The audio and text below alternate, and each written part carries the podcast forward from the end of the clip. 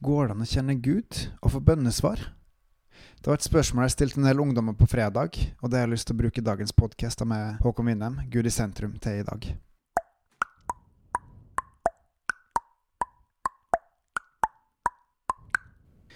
Jeg kunne ha fortalt om mange, mange, mange av mine opplevelser med Gud, mine bønnesvar med Gud.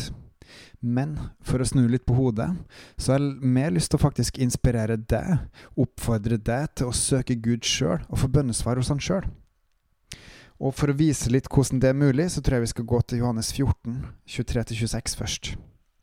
Jesus svarte og sa til han, Om noen elsker meg, da holder han mitt ord, og min far skal elske han, og vi skal komme til han og ta bolig hos han. Den som ikke elsker meg, holder ikke mine ord. Det ord som dere hører, er ikke mitt, men Faderens, han som har sendt meg.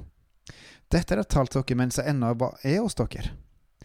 Og så kommer det. Men talsmannen, Den hellige ånd, som Faderen skal sende mitt navn, han skal lære dere alle ting og minne dere om alt det jeg har sagt dere.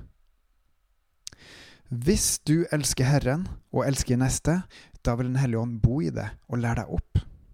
Da kan man gjennom sin egen ånd søke Gud gjennom Hans ånd. Et annet spørsmål. Visste du at det går an å befeile? Jesu, en av Jesu brødre, Jakob, som har skrevet bok i Bibelen, skriver i det fjerde kapittelet i boka si at det er noen som kaster bort bønnen på å bare be etter sine egne lyster.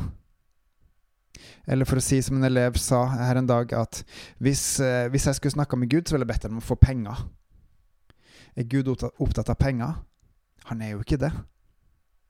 Videre sier Jakob at troa vises gjennom hvordan man lever, hva man er opptatt av fokusert på, f.eks. gjennom i bønnen. Hold dere nær til Herren Gud, så skal Han holde seg nær til dere. Og Litt senere så sier han bekjenn syndene for hverandre, og be for hverandre, så noen kan bli helbreda. Og etterpå et rettferdig menneskets bønn har stor kraft og virkning. Så Gud hører rett og slett mer på noen sin bønn enn andre sin bønn. Ber du om penger, så kan jeg nesten garantere at du ikke kommer til å få det. Med mindre det er noen veldig spesielle vilkår som gjør at han innvilger det, eller gir deg det som en gave. Ok, så eh, hvis vi bekjenner syndene overfor hverandre og med både Gud og medmennesker, hva, hva skal vi be om? Jeg er litt redd for at vi kristne har et veldig stort fokus på oss sjøl og hva vi sjøl har lyst på.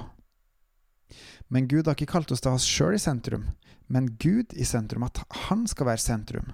Ja, det kan være viktige ting i livene våre på noen punkter som vi virkelig kan løfte opp for Gud og be Han om å gripe inn i.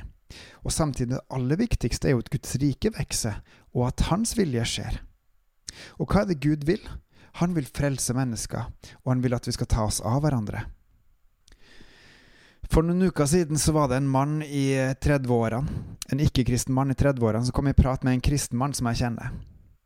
De hadde møtt hverandre før for lenge siden, men eh, nå kom de i prat, og etter hvert så kom de inn på det med tru og hvordan livet var sånt også. Og den kristne mannen oppfordra han andre fyren til å rett og slett be Gud om hjelp, hjelpe til i det vanskelige som var i livet hans. Videre sa den kristne mannen at eh, når du har fått svar, så kan du ta kontakt med meg igjen. Jeg vet at det gikk maksimum to uker, kan, trolig jeg tror jeg det var under ei uke også. Og så kom han ikke-kristne mannen tilbake til han kristne mannen jeg kjenner. Og så var han helt månebedåten, helt målløs, fordi at han hadde jo fått svar. Og da hadde han faktisk bedt for en venn som var i nød, og så hadde en helt, helt ukjent mann kommet inn og hjulpet den vennen. Og den ukjente mannen visste ikke noe om situasjonen, eller visste ikke noe om disse to personene fra før av. Og han ikke-kristne mannen var helt fullstendig overbevist om at dette her er det ingen andre enn Gud som kunne ha gjort, sånn som omstendighetene var. Seinere så sa denne ikke-kristne mannen at uh, han var ikke kristen, men um, nå hadde han begynt å be hver dag. Så han lurte jo nesten på om han faktisk var kristen allikevel, da. Så mitt lille ønske, min lille oppfordring til deg i dag, er at Velg deg ut et område i ditt liv, eller noen som du kjenner sitt liv, som er viktig, som er alvorlig, som du ønsker at Gud skal gripe inn i, og be Gud om å gripe inn i det. Ikke bare én gang, men hver gang du tenker på den saken, og hver gang du tenker på Gud, nevn det for han, og be han rett og slett om å gripe inn og hjelpe til. Og istedenfor at jeg skal dele av alle mine erfaringer med Gud, så kan du heller oppleve at du sjøl har fått bønnesvar. Og enten det er for første gang eller om for n-te gang, så håper jeg at det gjør at du har lyst til å be mer fordi at du skjønner at Gud, han hører dine bønner, og han gir svar til sine. Bebels og på gjenhør.